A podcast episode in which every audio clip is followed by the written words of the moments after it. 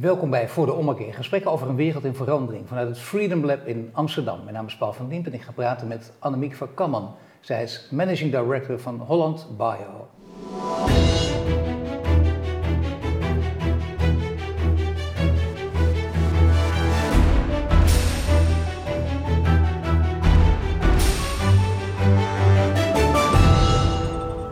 Ja, Holland Bio, eh, Annemiek, wat is dat voor eh, vereniging? Holland Bio is de vereniging voor biotechbedrijven. En biotechbedrijven, dat zijn alle bedrijven in Nederland die zich bezighouden met biotechnologie. En biotechnologie is eigenlijk eh, dat je de slimmigheden, de slimmigheden van de natuur toepast eh, om iets voor jou te maken. Kijk eens even, je zou bijna zeggen dat zou iedereen moeten omarmen. Dat is zo spannend en gek genoeg is dat niet het geval. Daar komen we nog op in dit gesprek. Maar uh, wat zijn belangrijke dingen in de biotechnologie? Althans, er zijn belangrijke ontwikkelingen van de laatste tijd. Nou, die zitten zowel op het medische vlak als in de landbouw, als ook in de, in de industriële biotech, wat we noemen, dus de, de ouderwetse chemie. En om dan met het eerste te beginnen, als je kijkt naar gezondheid, dan iets wat heel spectaculair is, is natuurlijk de opkomst van gentherapie. Ja. Dat is, ja, het is eigenlijk de holy grail van biotech, noem ik het wel eens, omdat je daarmee uh, als een, een mens uh, een ziekte heeft, waardoor hij bijvoorbeeld het stofje niet maakt, ja. dat je dat kan herstellen met één behandeling. En daarna gaat dat lichaam zelf weer aan de slag. Dat, dat, is echt spectaculair, want daarna zijn mensen eigenlijk genezen en hebben ze daar nog jarenlang plezier van. Er komen heel veel innovaties uit naar voren. Mensen vinden dat ook fantastisch natuurlijk. Het geeft ook mensen heel veel hoop. Die denken, ik ben niet meer te genezen. Althans, dat was 50 jaar geleden niet het geval. 20 jaar geleden ook niet, maar nu wel. Daar komt het in, kort, in het kort op neer. Ja, dat is natuurlijk wel wat je wil. Er is nog heel ontzettend veel werk te doen. Ja. Dat wel. Ja, het is veel werk te doen, maar op welk gebied is er werk te doen? Op technologisch gebied of op het hele terrein wat er omheen zit? Nou, eigenlijk op alles. Uh, de technologische uitdagingen die zijn nog steeds enorm. We weten steeds meer. De natuur die geeft eigenlijk iedere keer wat uh, geheime prijs, maar we weten nog lang niet alles. Dus daar zit heel veel uh, onderzoek, ook veel wetenschappelijk fundamenteel onderzoek. Want zonder wetenschappelijk fundamenteel onderzoek is er ook geen biotech. Want je moet weten waar de basis ligt. Dan is er nog, het is onwijs moeilijk om die fundamentele kennis ook te vertalen in iets toepasbaars. Dat is ook een enorme stap. Dus eigenlijk op dat moment gaat het van de, vanuit de universiteit naar een bedrijf. En die moeten dan verder mee aan de slag. En dan duurt het vaak nog 15 tot 15 jaar voordat je een product hebt waar de mensen, waar de mensen in de maatschappij op zitten te wachten. Dus dat duurt enorm lang. En dat komt omdat je voor sommige aspecten heb je heel veel regels. Daar moet je allemaal aan voldoen. Ja. En uh, voor sommige dingen zit het soms tegen, moet het weer overnieuw. Maar wat zijn de echte obstakels die je moet nemen? Want laten we zeggen, ik, ik zeg steeds, ik, 20 jaar geleden, maar dat is, het kan ook 15 jaar terug. Maar toen werd er eh, op veel grotere schaal, volgens mij negatief gesproken over biotechnologie. Ja. Tegenwoordig wordt er bijna gezien door veel mensen als, uh, ook al heb ik er kritiek op, we, kunnen niet tegenhouden. Nee, klopt. Ja, biotech kan je natuurlijk inzetten op heel veel gebieden. Hè? Voor onze gezondheid, met nieuwe geneesmiddelen, vaccins. Op het gebied van landbouw, om uh, gewassen te ja. verbeteren. Dus zowel fruit als groente. Daar is altijd de meeste discussie over geweest. En ook nog in de, in de industrie, dat je zeg maar slimme enzymen maakt. Kijk, enzymen, in de industrie is die al het oudst. We kunnen al heel lang wassen met biotechs. En in biotech zitten enzymen, dat is biotech. En een nog ouder voorbeeld van biotech is natuurlijk het maken van wijn, bier en kaas en brood. Want daar maak je ook gebruik van gisten die dus iets kunnen wat wij zelf niet... dat is wel leuk dat dat. Ja. Jij zult er heel vaak gezegd hebben, ook neem ik aan die gezelschappen. Maar voor groot publiek is dat nog onbekend. Dat het daar uiteindelijk vandaan Daar is het eigenlijk van bij begonnen. Dat we eigenlijk al heel vroeg uh, hebben ontdekt van... hé, hey, er zit hier iets in, wat dan gist bleek te zijn later... waardoor dit brouwsel uh, bier wordt of wijn. Terwijl we ja. toen echt nog niet wisten wat, een, wat het nou precies gebeurde. Ja, vreselijk brouw, sommige daarna bier en wijn. Ja, zeker ja. van alcohol natuurlijk fantastisch. Geweldige uh, uitvindingen. Ja. Je kunt veel meer innovaties doen. Nu belangrijk is op het gebied van gezondheid, van landbouw, wat je allemaal noemde. Daar gaat het om uh, geneesmiddelen, ook heel erg belangrijk. Maar ja, er zit heel veel discussie omheen.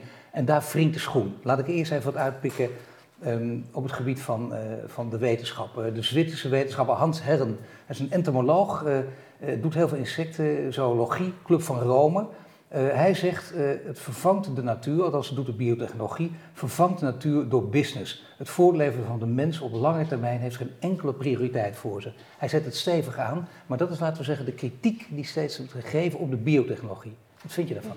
Nou, als je kijkt naar de kritiek op biotechnologie, en als ik dan even focus op de landbouw en eigenlijk op voeding, op het veredelen van groenten en planten met uh, betere eigenschappen, ja. dat wordt nu eigenlijk door een heel groot deel van de bevolking omarmd. Dat, dat zie je ook in, in onderzoek wat uh, een van de ministeries heeft uitgevoerd. Veel mensen hebben daar steeds minder problemen mee omdat het voedsel ook high-tech wordt. Ja. En je moet je ook realiseren dat de, eh, de broccoli die wij op ons bord hebben, of de bloemkool, dat die eigenlijk op, of worteltjes, dat lijkt op geen enkele manier meer naar de, op de worteltjes die het ooit waren. We zijn al meer dan 100 jaar aan het veredelen van planten. Ja. Het kruisen, eh, we pakken die wortels met die mooi, mooi oranje waren of die groter waren. Ja, Kijk maar naar, welke plant in jouw tuin heeft nou wortels zo groot als de wortels die je koopt bij Albert Heijn? zeker.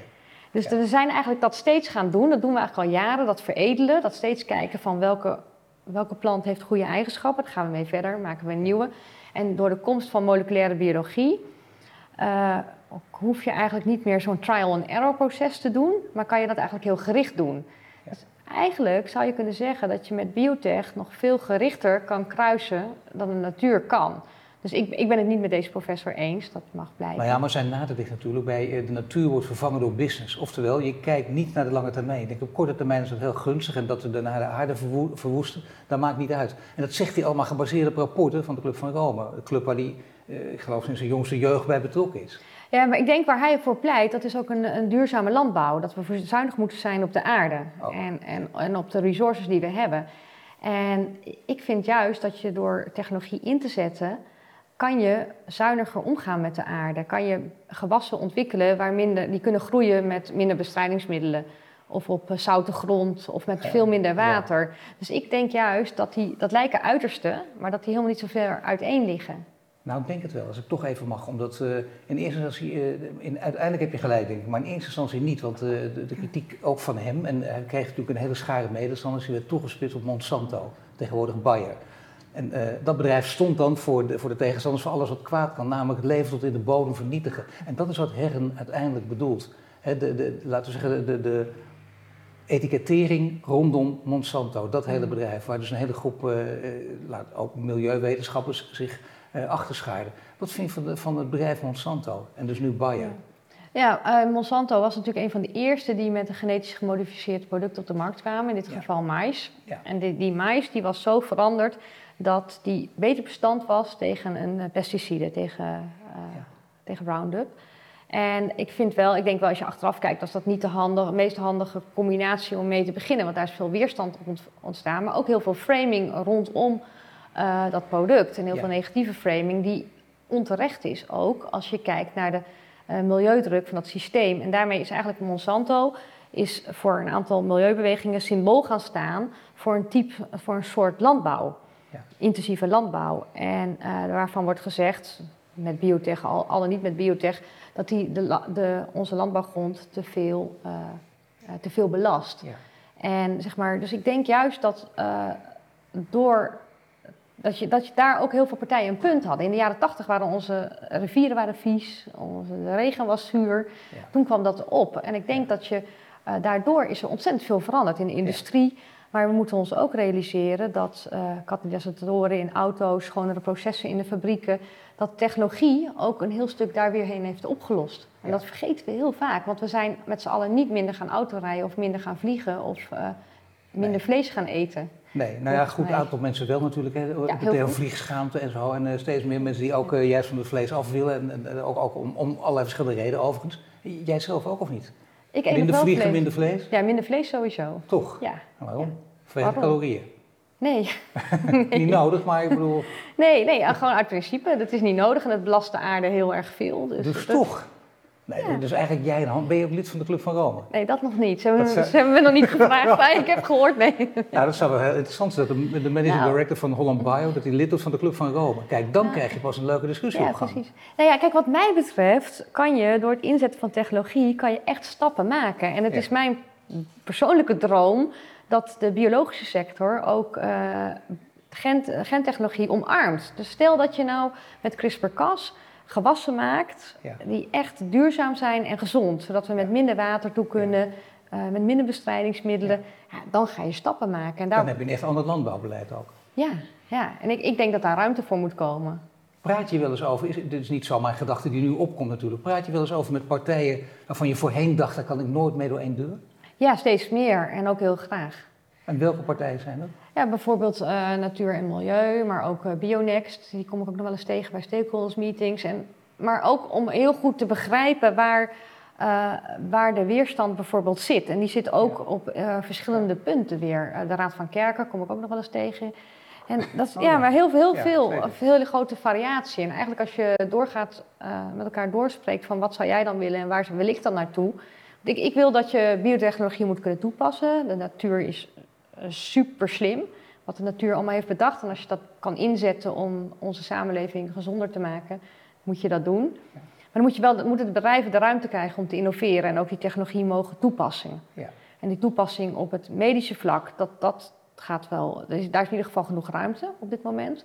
Maar voor de plantenveredeling is er onvoldoende ruimte en wordt Europa uh, gaat het verliezen ook op het wereldtoneel. Maar waar zit dan de weerstand? Want je zegt, ik ben daarna op zoek. Dat vind ik ook een hele goede methode. Met een andere partij praten om te kijken waar de weerstand zit. En waar zit die dan?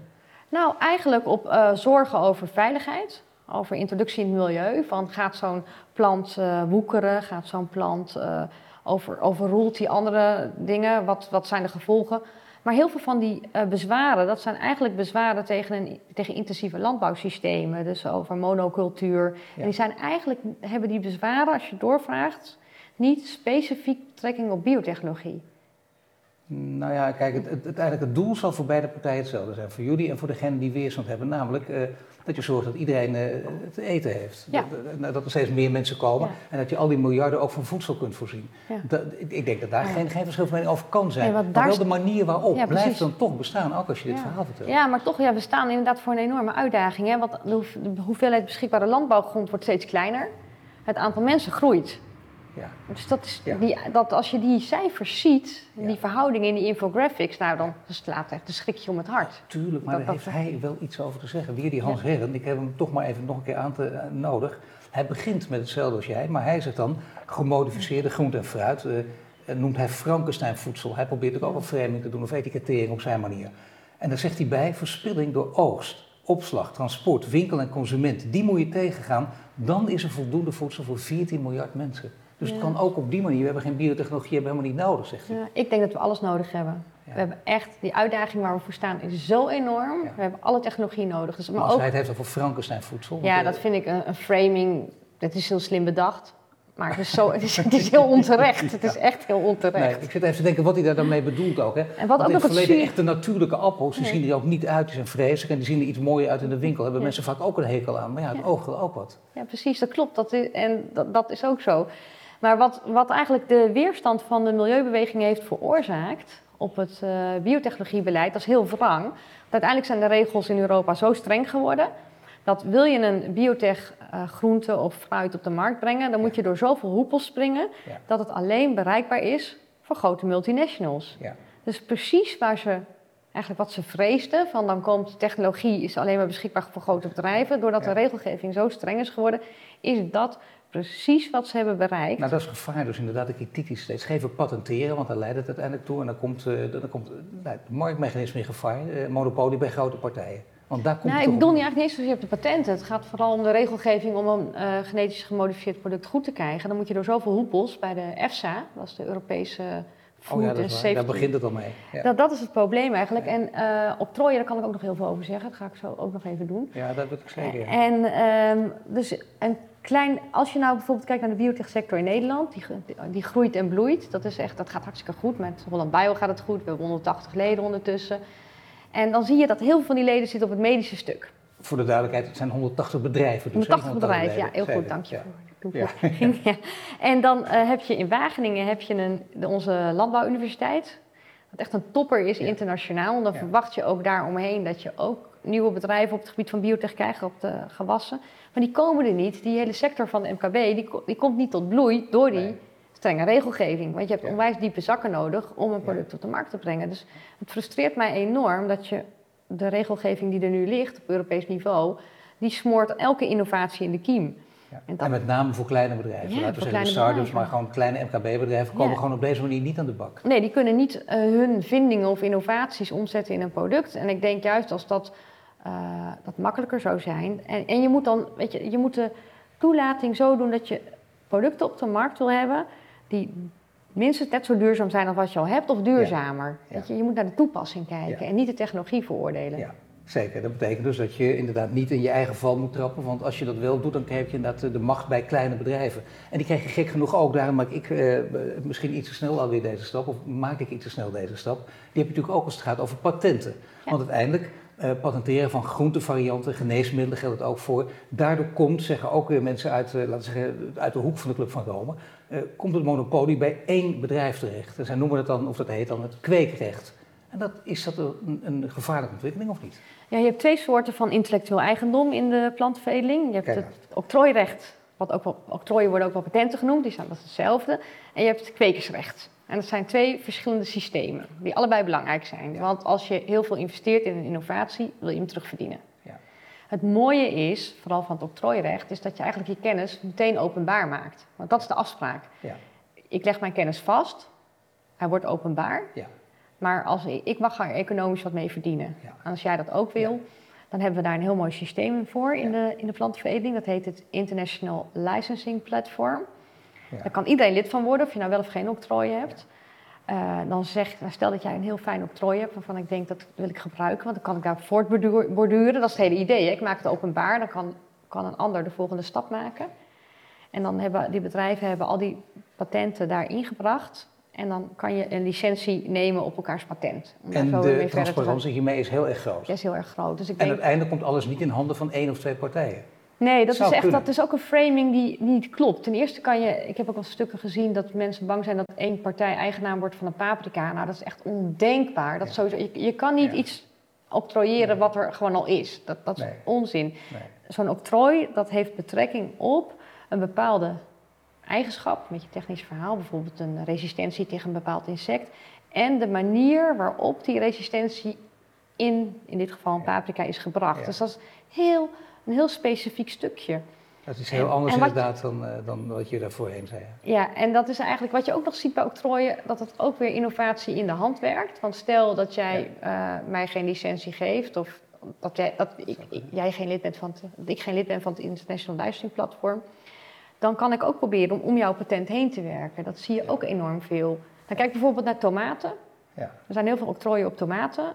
En de variëteit aan tomaten is nog nooit zo groot geweest. Dus ik bestrijd dat octrooien en monopolies aan elkaar gelinkt zijn. Nou ja, zeker als je het zo vertelt, maar het gaat uh, eigenlijk verder. Uh, de critici zijn bang dat die, de hele wereldvoedselvoorziening uiteindelijk in handen komt van, uh, van een paar grote multinationals. Hm.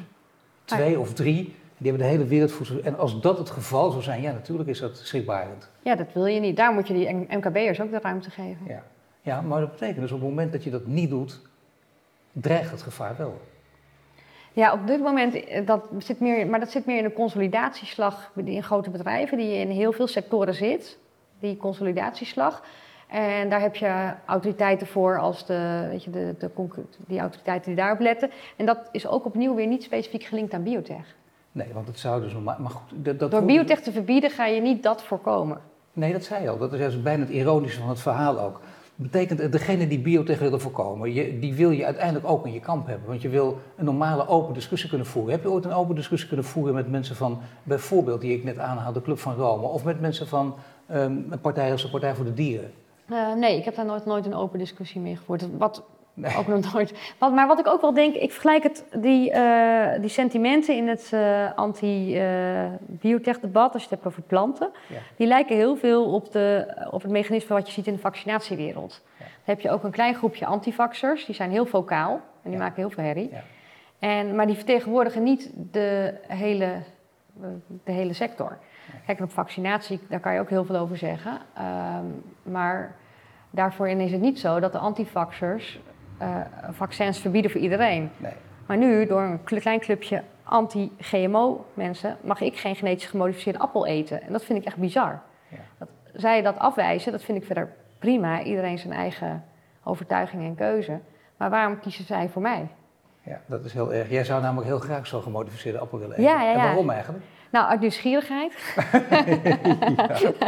ja. Nee, dat is goed. En uit fascinatie. Ja.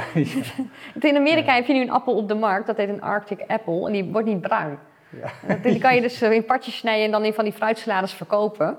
En die kan je daar gewoon kopen en hier niet. Dus, nee, maar het is, het heeft, dit heeft natuurlijk ook met het gevoel te maken. Dat, dat, dat is een beetje, in de, dat, dat geldt voor alle grote dingen. Globalisering vinden we eng, dus we gaan terug naar lokalisering, omdat het niet bij de menselijke maat past. En hier ook moet ik oppassen dat de menselijke maat wel in zicht blijft, want hoe moet je dat dan doen?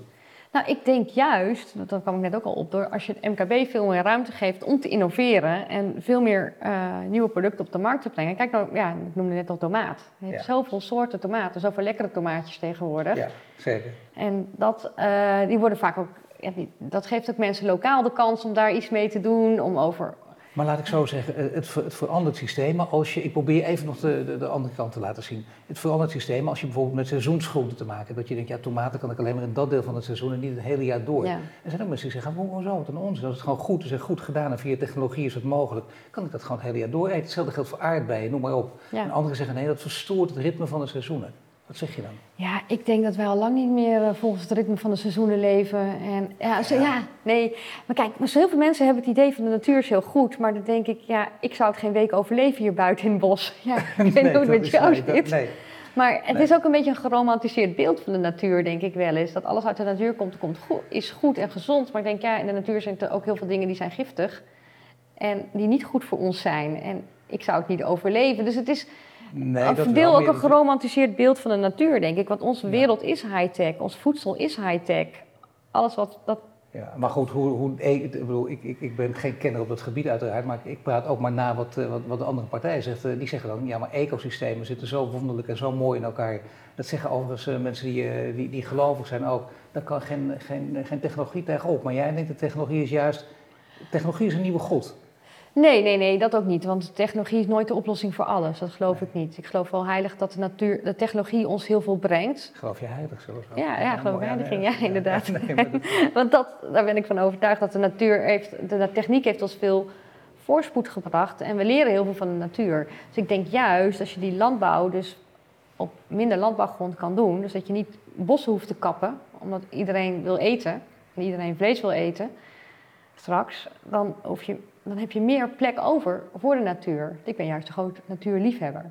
Maar, maar het even over vlees. Dat is ook zo'n fascinerende ontwikkeling. Kweekvlees. ja, zeker. Ja, kweekvlees vind ik ook echt geweldig. Kan niet wachten tot het in de supermarkt ligt. Ja, er moet alleen nog een andere naam voor komen, want de term kweekvlees... Nou ja, de vegetarische slager heeft toch al uh, nu uh, opgeslokt door uh, Unilever, maar die heeft toch ook al hele stappen gezet, of niet? Ja, maar dat is toch ook fantastisch? Twintig jaar geleden moest je toch helemaal zoeken naar iets fatsoenlijks in de supermarkt en nu heb je toch elke keer meer keus. Maar kweekvlees, eh, je zegt je kan er niet op wachten. Waarom eigenlijk niet? Nou, waarom? Om, dat is ook weer zoiets dat je uh, eigenlijk zonder dat je nog een beest nodig hebt, kan je vlees maken in de fabriek. Dat klinkt dus helemaal niet lekker, maar dat, uh, dan, dan, heb je die industrie van met heel veel dieren en het dierenleed niet meer nodig. En ik, ik, geloof niet dat dat verdwijnt. Nee, maar wij denken toch allemaal uiteindelijk, het gaat in het leven om echt en niet echt, nep en, en, en authentiek. Ja. En wat is dan authentiek? Jij denkt dat de smaak goed is, na, want daar gaat het om. In de, in de fabriek, althans in de, in de technologische industrie weet je beter dan ik, maar daar zijn de experimenten nu ook. En heel veel discussie over smaak. Je moet blind kunnen proeven ongeveer. En dan liefst ook chef-koks ook. Hè? Die zeggen, ik kan het verschil niet meer. Dan, heb je eenmaal, dan ben je denk ik waar je, waar je, waar je wil zijn. En ik denk dat er nog steeds uh, zeg maar vlees blijft zoals we dat nu hebben. Maar dat je daarnaast ook, dat je gewoon meer opties krijgt. Ja. Uh, ja, dat, dat er is ook een, uh, een bedrijf dat maakt kippeneiwit uh, in, met biotech. Ja. Kippeneiwit wordt heel veel, eiwit wordt heel veel gebruikt in de voedingsmiddelenindustrie. Dat hoeft niet in een ei te zitten. Kijk, thuis wil je misschien een eitje. Ja. Dat kan ik me voorstellen. Ja. Maar voor de voedingsindustrie, die hoeven niet per se dat eiwit aangeleverd te krijgen in een ei. Nee. Dus dat kan je ook met biotech maken. Nee, maar dit heeft dus wel te maken met beelden, met, met, met uh, zaken die eeuwenoud uh, overleefd zijn. En, en, mensen moeten daar dan anders tegenaan gaan kijken. En dan krijg je een hele interessante discussie natuurlijk altijd weer. Uh, waar aan de ene kant de natuur staat, aan de andere kant de technologie. En kunnen die op dit ultieme gebied zo samenkomen? Jij ja, stapt er volgens mij heel makkelijk. Ja, ja, ja. Ja. ja, net als, ik vind dat heel fascinerend. Want als het over voeding gaat, is dat heel spannend. Terwijl iedereen loopt de hele dag met zo'n mobiel in zijn hand. En dat, nou ja, goed, er zijn toch, uh, dat, ik, ik, kan me wel iets bij voorstellen. Je kunt toch zeggen, een bos, uh, nou, dat ga, je, je, kan, je kan alles ook nagaan maken. Je kan ook door een 3D-bos gaan lopen. En ja, uiteindelijk... dat is niet... Nou, nee. dat weet je niet. Stel Ja, alles niet. gewoon... Nee, maar nee, ja, hier heb je. Ja, dan houden we mij dan op. Ja, er zijn toch grenzen. Nou ja, goed, de nee. maatschappelijke discussies gaan over klonen. Kijk, in Chi- in China zijn natuurlijk experimenten mee gedaan. In China kunnen al die dingen toch al makkelijker dan hier om allerlei redenen. Maar Ja, maar is- even dat experiment in China met dat CRISPR-Cas met die baby's, dat is ook in China door de eh, wetenschappelijke community veroordeeld. Van dat was niet goed, weet je, dat was niet. eh, die man heeft, ehm, nou, ik, ik weet precies de kaas niet meer uit mijn hoofd, maar die is gewoon, maar, die is gewoon wat, letterlijk wat gaan proberen waarvan hij dacht dat het een goed idee was. Ja. Terwijl zelfs de mensen, of zelfs ook de mensen in China, de wetenschappelijke community, zei toen: dit is niet wat je moet willen. Nee. Dat vond ik heel veel fijn om te merken. Dat ook Ja. daar werd gezegd van, hé, hey, Maar toch zou je kunnen zeggen, jouw redenering doortrekkend eh, over technologie. eh, kijk, met mensen kan het ook natuurlijk. En als het gaat over, over klonen. ja, kijk, dan zijn er misschien ook al fouten in de natuur die niet meer gemaakt hoeven te worden. wat bedoel je dan? Nou ja, goed, dat heb je met, eh, met voedsel toch ook. Dat je denkt, er zijn in, in voedsel. Eh, misschien zijn er wel bepaalde. eh, dat, je, dat je geboren wordt met vier verschillende handicaps. En dat je dat gewoon kan. Wat, wat is er op tegen om te zorgen dat je dat kan uitschakelen? Ja, precies. Daar zit natuurlijk, voor de gebruik van biotech om mensen zeg maar te genezen, daar zit wel een ander verhaal. Eh, dat is wel, ehm, wat je nu ook ziet, is dat daar veel minder discussie over is. Een Amerikaanse professor die grapte een keertje, zei van in Europa hebben jullie genetisch gemodificeerde mensen die geen, niet ge- genetisch gemodificeerd voedsel mogen eten. ja, dat is ja. Goed, Die grapte ja. dat een keer. En daar heb je natuurlijk nog een hele discussie, eh, denk ik. Maar dat, die ethische discussie over ingrijpen in, het mens, in, de, in, in de mens, maar ook in dieren en ook in planten. Weet je, de, de lijn die er nu ligt is voor bedrijven, daar kan je mee vooruit. En dat is een, een discussie tussen de politiek, eh, de maatschappij en de overheid. En dat is niet een. eh, in die ethische discussie is het bedrijfsleven geen partij. Omdat het bedrijfsleven. Waarom niet? Nou, omdat dat ook binnen het bedrijfsleven lopen die grenzen. eh, het is niet zo dat iedereen die bij een bedrijf werkt aan een bepaalde kant staat in die ethische discussie. Dat is. Dat nee, is, nee. nee, natuurlijk. Nee, al Dat- het is niet één eh, sector die je over maar je hebt natuurlijk ook eh, mensen die zeggen, ja, ik, ik, ik doe technologie, de rest kan me niet schelen. Dat, eh, ik zou bijna zeggen, dat echt kunstmatig scheiden. Nee, Terwijl het toch veel zijn om, kijk, jij treedt ook naar buiten, maar dat die mensen ook va- vaker naar buiten treden en zeggen, ik sta er zo in, maar de technologie kan dit en dat, daar kun je heel enthousiast ook over worden. Kijk eens wat fantastisch allemaal, welke kant we op kunnen gaan. Ja. En vervolgens kun je daar gewoon ja, ook, ook je, je, je ethische lading over uit. Ja, precies. Dus daarom denk ik, daarom is het zo belangrijk. Bijvoorbeeld als je het hebt over, nou, nu bijvoorbeeld genome editing, CRISPR-Cas. Daarmee kan je eh, bepaalde eh, genetische defecten repareren. Of, maar hoe ver ga je daarin? Op dit moment mag je bijvoorbeeld niet in de eh, geslachtscellen ingrijpen. Dus in de, ja, omdat je dan ook een verandering teweeg brengt in het nageslacht. Ja. Dat mag op dit moment niet. Nou, dat is volgens mij op dit moment een hele goede, heldere grens. Op het moment dat de technologie verder vordert, komt die grens natuurlijk dichterbij. Zeg maar. Maar die discussie is natuurlijk al honderd jaar geleden voor het eerst gevoerd. En daarvoor denk ik in de science fiction ook al. Daar ging het natuurlijk altijd over. De, de, al de beladen termen als de ubermensen worden alleen maar Mm. ubermensen door de technologie voortgebracht. Nou, die kant wil er ook niet op, of wel? Nee, lijkt mij niet. Nee. Nee, maar volgens mij willen we dat niet met z'n allen. Nee, maar welke kant dan wel? Want dat zeg je, is, is, is, waar- waarom zou je de discussie niet zo open mogelijk moeten Vind je dat je die zo open mogelijk moet Ja, voeren? ik denk het wel. Ja. Ja. ik denk dat het goed is en belangrijk is om te bepalen met elkaar van... eh, Wat zou er kunnen? Kun je wat je zou kunnen? Stel dat er geen ethische discussie was, dat er ook geen wetten waren. eh, nou, dat valt echt nog best wel tegen, omdat we... Ja, Ja, nee, dat- ja. Omdat het technisch, weet je wel, je weet technisch eh, wat je zou moeten doen, maar we weten nog te weinig van de effecten op de lange termijn op sommige vlakken. Dat, dat weet je. Zeg maar, Ja, Annemiek, stel- als, je, ja. als je vlees kan maken, je hebt er geen, geen eh, dieren meer voor nodig, dan kun je ook zo gewoon mensen maken met het Nee, nee, DNA-materiaal, nee. wat gaan proberen, wat dan ook. Dat ik kan me voorstellen als wetenschappers dat ze denken, dit is fantastisch wat we nu kunnen. Ja, nee, vlees, maar een stukje vlees, dat is een heel ander. eh, die, heeft- vlees heeft, geen, eh, heeft geen hersenen, geen. Nee, het is veel ingewikkelder en veel Ja. lastiger en op een totaal ander niveau. Maar uiteindelijk zou je natuurlijk toch mensen kunnen maken zonder dat daar, zonder geslachtsgemeenschap. Ja, ik denk dat, dat dat is nog echt heel ver weg. Zelfs een orgaan maken, wat zou nu bijvoorbeeld heel fijn zijn, stel dat je voor iemand een nier zou kunnen maken. Hè? Ja. Als iemand een, eh, in plaats van transplantatie, dat je een, een cellen neemt van een patiënt en van die patiënt een, een nier zou maken, of een ander orgaan wat hij nodig heeft. Dat is in de toekomst, dat is wel mogelijk. Ook Maar een eicellen en zaadcellen bij elkaar en eh, er is geen andere mogelijkheid. Ja, ik zie dat voorlopig nog niet heel dichtbij. Het klonen dan voor mensen. Hè? Ik bedoel, dat, is, dat is wel iets dichterbij. Je zegt wel die man die in China zo, uh, zogenaamd, of, uh, zomaar aan het experimenteren was. Als je wetenschapper bent en je bent technologisch heel hoog, dan kan ik me voorstellen dat je, dat je het allerhoogste top wil bereiken. En dat je denkt, ik wil, uh, ik wil de eerste zijn die dat voor elkaar krijgt. Ja, nee, ik, dat zijn enkelingen die dat, zo'n zo Chinese onderzoeker, maar dat, is, dat, is, staat niet, dat staat niet model voor de wetenschappelijke gemeenschap. Nee. dat, en wat staat model voor de Wat staat wel model voor de Nou, ik denk juist, vind ik dat in de wetenschappers uh, zeggen nooit van dit, kan, dit gaat 100% goed zo. Wetenschappers zijn erop getraind, eigenlijk bijna op getraind op de mismatchen. Ja. Zeg ik wel eens. Dat zijn bijna, weet je wat, als je zegt van dit is een goed idee, dan zeggen wetenschappers ja, maar A, B, C, D, dat is nog niet in orde. En die zijn heel conscientieus om al die, uh, die, die gaten in een plan of in een idee lek te schieten. Die kunnen dat als geen ander. Dus die, die zijn juist heel conscientieus om te zeggen, om niet roekzichtloos één kant op te gaan. Wat kunnen we wel? Wat zijn echt hele mooie dingen die met bio, biotechnologie tot stand kunt brengen? Als ik zelf mag beginnen. Je zou dus, uh, als je daar straks uh, flink draagvlak voor hebt, en misschien is dat groter dan ooit, het wereldvoedselvraagstuk kunnen oplossen. Ja, mede door biotech, zeg ik Natuurlijk. Mede, mede door biotech. Mede, zeker. Mede. Maar het speelt wel een hele belangrijke rol. Ja, het is zelfs een, snel, een versneller daarop in. Ja, precies. Ja. Maar het wereldvoedselvraagstuk, het is natuurlijk uiteindelijk wel een politieke kwestie, maar uiteindelijk toch, dan kan het dus over de hele wereld, het heeft met verdeling te maken, maar het zou kunnen. Ja, absoluut. En hoe zit het met geneesmiddelen en, en met, met, uh, met genezing van mensen Ja, geneesmiddelen, daar zit, dat gaat ongelooflijk langzaam eigenlijk. Als je dan kijkt bijvoorbeeld naar oncologie. Daar is nu sinds twee jaar is daar eigenlijk een nieuwe behandelpoot toegevoegd aan het arsenaal van de oncoloog. Want vroeger kon je, je kon natuurlijk snijden, je kon uh, bestralen. Toen kwam daar de chemotherapie bij. En nu is daar de immunotherapie bijgekomen. Dus dat eigenlijk het immuunsysteem van de patiënt wordt aangezet om die tumor op te ruimen.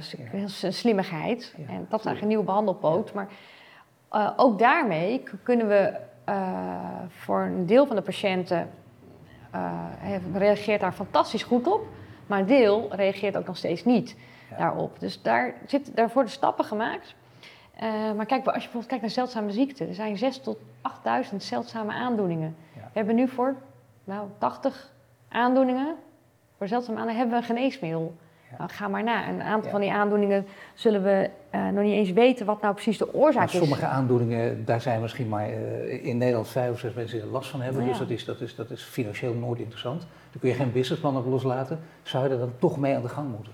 Ja, ik denk het wel. En ook als er eenmaal uh, bekend is wat het, uh, wat het mechanisme is of wat eronder ligt, als, als dat eenmaal ontdekt is, uh, dan zie je ook dat daar ontwikkelingen op komen. Dat, dat hou je niet tegen. En ergens vind ik dat ook een goed ding. Maar het mooiste is natuurlijk als je over biotechnologie praat, over innovaties praat, wat natuurlijk altijd prettig is, maar dan hoop je ook uiteindelijk dat het kan leiden tot de oplossing van uh, verschillende soorten kanker, noem maar op. Dat willen mensen graag horen. En daar moet jij er heel voorzichtig in zijn, of mensen in jouw ja. sector, uh, want dan, dan, ga je mensen hoop geven die, die je niet kan bieden. Maar zonder dit uh, specifiek jou nu vast te spijken op, op, een aantal data of een aantal jaren, denk je dat dit op termijn wel degelijk mogelijk is? Dat je deze ziekte mede door biotechnologie kunt uitschakelen? Uiteindelijk wel, ja. Denk ik dat je heel veel kan doen. Er zullen altijd, dus er zullen altijd situaties blijven waarin je niks kan doen, maar naarmate de kennis voortschrijdt, zullen we steeds meer kunnen behandelen, gelukkig. En ook goed kunnen behandelen. Dat je het niet um, chronisch, uh, dat je niet altijd iemand elke dag een pilletje geeft dat hij een beetje nee. voortmoddert, maar echt een stap in kwaliteit van leven. Want daar, heb, daar, daar moet je het over hebben. Hè? Dat, nee, natuurlijk. Nee, het dus gaat dat, echt om genezen ja. natuurlijk. En niet alleen maar eventjes gewoon uh, banden plakken. Nee, precies. Dat is een ander Als je kijkt naar geneesmiddelontwikkeling, dat is ook nou, dat is natuurlijk waanzinnig interessant wat er gebeurt. En uh, er komen veel nieuwe geneesmiddelen uit de pijplijn. En dat is goed. Dus ik zeg dat biotech maakt zijn belofte waar. Maar daar is ook wel wat aan de hand. Want als je kijkt hoe we geneesmiddelen ontwikkelen, dat duurt ten eerste ontzettend lang. Ja. Het is hartstikke duur en risicovol. En dat, daarvan zeg ik echt, dat moet sneller en dat moet beter, anders loopt het hele systeem vast. Nou, ik las wel ergens weer een verhaal over, over darmflora analyseren bijvoorbeeld. Uh, door de nanotechnologie ja. uh, kun je daar stappen zetten, die zijn ook al gezet. Dat kostte vroeger, uh, het analyseren kostte 100 dollar en een jaar geleden was het 1000 dollar. Dus dat is een enorme stap, ja, denk ik klopt. dan. Weet je, dus dan betekent dat het ook dat het makkelijker, dat het vaker zal gebeuren, dat veel meer mensen er baat bij zullen hebben. Maar dat is toch nog uitzonderlijk, denk jij? Zo'n uh, snelle stap? Ja, nou dat is al natuurlijk al jaren gaande. Want de eerste opheldering van het menselijk genoom, dat kost uh, nou, miljoenen, zo niet miljarden. En het gaat steeds sneller. En dat brengt ons natuurlijk ook weer op het volgende van... straks zal het heel normaal zijn dat jouw hele DNA wordt, in kaart wordt gebracht. En dan, wie is dan eigenaar van de data? Dat, dat is buitengewoon interessante discussie ook. En welke kant gaat die discussie nu op? Ehm, nou, nu blijft die discussie wat mij betreft veel te veel hangen in allerlei privacy issues. Terwijl die zijn, en allerlei operationele zaken die volgens mij oplosbaar zijn. Die moet je gewoon afspreken, oplossen. Ja. En uh, ik denk dat uh, patiënten of uh, burgers zelf eigenaar van de data zouden moeten zijn. Ja. En ik vind dat ook een, een manier waarop je patiënten beter aan tafel krijgt bij de geneesmiddelenontwikkeling. Ik, ik, denk, patiënten bemoeien zich daar steeds meer, meer tegenaan. Dat vind ik ook heel goed. Zeker patiënten met een zeldzame aandoening, die zijn vaak goed georganiseerd. En die stappen ook naar bedrijven toe, of richten soms zelf bedrijven op en gaan dit aanpakken en oplossen. Ja, dat is heel belangrijk. Hè? Want stel nu dat bijvoorbeeld, uh, wie, wie, zou anders eigenaar kunnen zijn? Bijvoorbeeld ja. uh, jouw werkgever zou het kunnen zijn. Dus zou je, die zou de eigenaar kunnen zijn. En die ziet aan de hand van jouw DNA-patroon uh, dat, je, dat je nog maar drie jaar te leven hebt bijvoorbeeld. En maakt op basis daarvan beslissingen. Ja, ja dat zou niet kunnen, moeten kunnen. Ik vind dat patiënten moeten zelf, en burgers, je moet zelf eigendom zijn van je data. Die moet wel echt centraal worden opgeslagen, want anders wordt het echt een zootje. Ik zou die van mij misschien wel kwijt kunnen raken. Ja. dan zou jij, en dan moet jij kunnen aangeven wie mag daarin kijken. Dan zeg je tegen je huisarts, dat mag, weet je. Dat je net als nu. Maar worden deze discussies, worden die te weinig... Kijk, je wil natuurlijk ook dat die discussie zoveel mogelijk gevoerd gaat worden. Mensen hebben vaak wel wat anders aan hun hoofd. Die hebben gewoon hun eigen werk en baan en zorg en weet ik wat. En dan moeten ze zich ook hierover gaan buigen. Maar zou je toch toejuichen als ze dat zouden doen? Ja, ik wel. Want, maar ook, um, ik denk dat je daar ook zeg maar, patiënten zelf in uh, moet betrekken. Kijk, een patiënt die ernstig ziek is, die zegt: joh, wat maakt mij mijn privacy nou uit? Genees me. Dus die zit in een heel andere situatie dan als jij gewoon fris en fruitig in je tuin zit. Dan denk je daar misschien heel anders over. Dus er, zijn, er zitten heel veel perspectieven en haken en ogen aan van hoe je dat goed oplost. Je had het net al over de regelgeving op, op een ander gebied of in een ander, vanuit een ander perspectief. Maar is de regelgeving eh, ook hier aan herziening toe? Omdat hij nu te krampachtig werkt en te benauwend? Um, ja, ik denk wel dat je daar opnieuw naar moet kijken, maar steeds weer vanuit het patiëntenperspectief. Hoe uh, behandelen we patiënten optimaal en wat, heeft, wat is er dan nodig rondom die patiënt? En zo moet je het gaan inrichten. En nu is natuurlijk de zorg en al dat soort dingen zijn ingericht in silo's. Ja.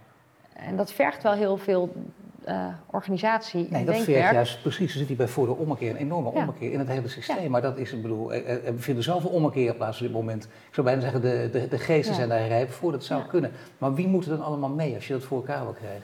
Um, nee, de hele gezondheidszorg, van VWS tot en met uh, de burgers. Maar, en ik denk wel. nooit gebeuren, toch? Nou, ik denk wel dat dat begint met een, met een duidelijke visie en een stip op de horizon. Van we willen een zo vitaal mogelijke samenleving zijn. En dan kan je gaan nadenken, hoe moet je dat dan inrichten? Zie je al landen waar dit gebeurt, die, die op dit gebied op ons voorlopen, die een beter systeem ja. hebben? Ja, wat ik heb begrepen is dat rondom het Karolinska Instituut in Zweden, dat ze dat ze heel goed hebben ingericht. Uh, ook qua data en ook qua afstemming van de verschillende typen zorg. En dus dat, dat gaat daar heel goed. Dus daar zouden we naar gaan kijken, daar zouden we van kunnen leren. Snappen dat dat weer toch weer een ander land is dan het onze, maar toch, daar zouden we even van kunnen leren. Nou ja, kijk, we moeten ook niet te pessimistisch zijn, want als het gaat over infrastructuur en data, is Nederland heel goed georganiseerd. Ja.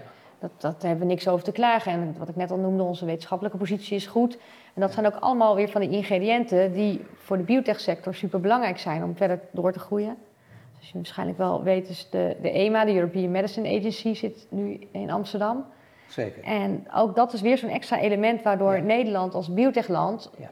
weer aantrekkelijker wordt. En dat er nog meer gekeken hoe, wordt. Hoe doe je dat dan? Want hoe maak je Nederland als biotechland aantrekkelijk? Wat, wat, voor voorwaarden moet je scheppen? Nou, je moet goede science hebben. Die uh, hebben we. Die hebben we. Uh, een goede infrastructuur, zowel in het medische zorglandschap, maar ook zoiets simpels als de nabijheid van Schiphol. Ja, oh ja dat, goed, in zekere zin hebben we dat ook. Hebben we ook, ja. Nee, dat hebben we zeker. Dat is echt, echt een voordeel. En uh, het moet natuurlijk, je moet ook toegang hebben, je moet kunnen samenwerken met andere partijen, want er kunnen hier wel de meest briljante wetenschappers zitten, maar als die allemaal, uh, als die helemaal niet naar buiten kijken, ja, ja, dan kan je wel voor het raam gaan springen. Maar ja, wat heel lang gebeurt is het terugtrekken in je eigen specialisme. Ja. Ja, dat, maar dat gebeurt toch wel steeds minder. Ik denk juist, Nederland is best wel easy going. En je kan hier iemand bellen en zeggen... Ja. luister, ik doe dit, jij doet dat, zullen we koffie drinken? En dan nou, moet toch gek lopen dat mensen nee zeggen. Nee, ja. dat is waar. Dus ja, dat, zeker. Uh, ja. ja. Dus Nederland loopt op dit gebied qua voorwaarden voorop. Ja. Maar dan moet je nog even afrekenen met die tegenstanders die hier allemaal geen zin in hebben. Met de Hans Hegens uit Nederland, met de Partij voor de Dieren, met de Milieubeweging. Nou, zelfs daar ben ik uh, niet zo negatief over. Omdat ik uh, denk dat het grootste deel van de bevolking, dat blijkt ook uit onderzoek, vrij positief staat tegen biotech, mits de toepassingen duurzaam zijn. Ja. En, um, en heel veel biotech-innovatie zit op het medische vlak en daar is sowieso eigenlijk geen maatschappelijke weerstand. Ja. En als je kijkt naar het landbouwstuk, dan moet Brussel, Europa moet gewoon nu gaan bijdraaien. Anders worden we hier een soort museum van uh, plantenveredeling. Nederland is supergoed in plantenveredeling. Hè? We exporteren sla, paprika, tomaat. zijn echt toppers daarin. En als wij niet mee mogen met de technologie en de rest van de wereld wel, dan, ja, dan houdt het op een gegeven moment op. Ja, zeker. Nee, natuurlijk. Dat zijn allemaal zaken die, die spelen. Maar toch, uh, je moet er wel een heel goed argument voor zitten om ook die groep die tegen is. Want die groep is groter dan je denkt. Het gaat niet om 2% of zo. Hè, om die ook mee ja, te krijgen. Ja, dat ben ik niet met je eens. Ja, ik, ik ben zelf van mening, ik ga het liefst met iedereen in discussie. Echt, echt werkelijk iedereen. Ik, heb ook echt een, ik ben ervan overtuigd dat als je uh, technologie op de goede manier inzet... Ja dat de samenleving er wat aan heeft, dat dat ook echt je, je stip op de horizon moet zijn, uh, dan is er echt veel meer mogelijk. Dus ik denk niet dat uh, de groei van de biotechsector nu geremd wordt door, uh, deze, door deze nee. groep. Dus we zitten gewoon, on, hoe dan ook, laten we zeggen onomkeerbaar zitten we nu de vierde industriële revolutie. Nadat we ja. beginnen met de stoommachine, naar de elektriciteit, naar de elektronica. En nu ja, een samenhang van biotech, Internet of Things, cloud, kunstmatige intelligentie, Absoluut, dat ja. geheel, dat is ja. het. Ja, want ik denk ook dat je met de, de voortgang nu in de bioinformatica en de kunstmatige intelligentie heb je ook uh, de tools om in die enorme brei van informatie die de biotech ook oplevert. Hè, als je naar al die genen gaat kijken en eiwitten, wat die allemaal doen, dan krijg je, nou, dan krijg je een informatielading ja. ja. wat hartstikke moeilijk is om te interpreteren. En door AI en door dat, dat zal een hele belangrijke driver zijn om daar weer de volgende stap in te zetten. Wat probeer jij maar eens relaties te vinden in hoeveelheden data die voor ons als gewone mensen niet meer te bevatten zijn. Als je kijkt, uh, al die bedrijven, ja, kan niet anders. Het is een koepel waar jij, uh, nou, laten we zeggen, de managing director van bent. Van ja. 180 bedrijven. Dat is nogal wat die allerlei op hun gebied prachtige dingen doen. Uh, dan mag je er nooit één uitpikken natuurlijk, want dan zijn je allemaal even lief. Maar er zijn er wel een paar waarvan je denkt, geweldig, dat zijn echt voorlopers. Dan kunnen we ook voor een groot publiek mee naar buiten treden en laten zien wat de biotechnologie vermag. Wat je allemaal in je, in je vermogen hebt. Zou je twee goede voorbeelden kunnen Ja, ik, dat is inderdaad hartstikke moeilijk om er twee te kiezen. Maar als ik er dan twee moet kiezen, dan, dan wil ik toch Unicure noemen, een Amsterdamse bedrijf. Dat de eerste goedgekeurde gentherapie op de markt bracht. Ja.